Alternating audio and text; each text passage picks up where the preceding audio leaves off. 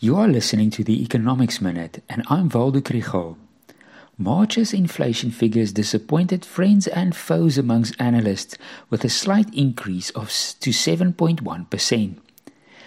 It's not much higher than the 7% increase in February, but it's the second month in a row that the rate moves in the wrong direction. This episode is supported by Predictive Insights and the NWU Business School. The drivers of the inflation were the weaker rand dollar exchange rate, which pushed up the prices of petrol and increased the cost of imported products.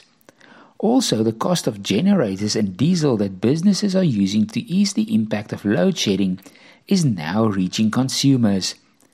Food prices rose by 14.4% after rising 14% in February. We already know that households are struggling Many have adjusted their consumption patterns to seek out cheaper alternatives, to buy in bulk, or to hunt for bargains. Indicators of how consumers are doing show that confidence is low and spending on durable items is being postponed.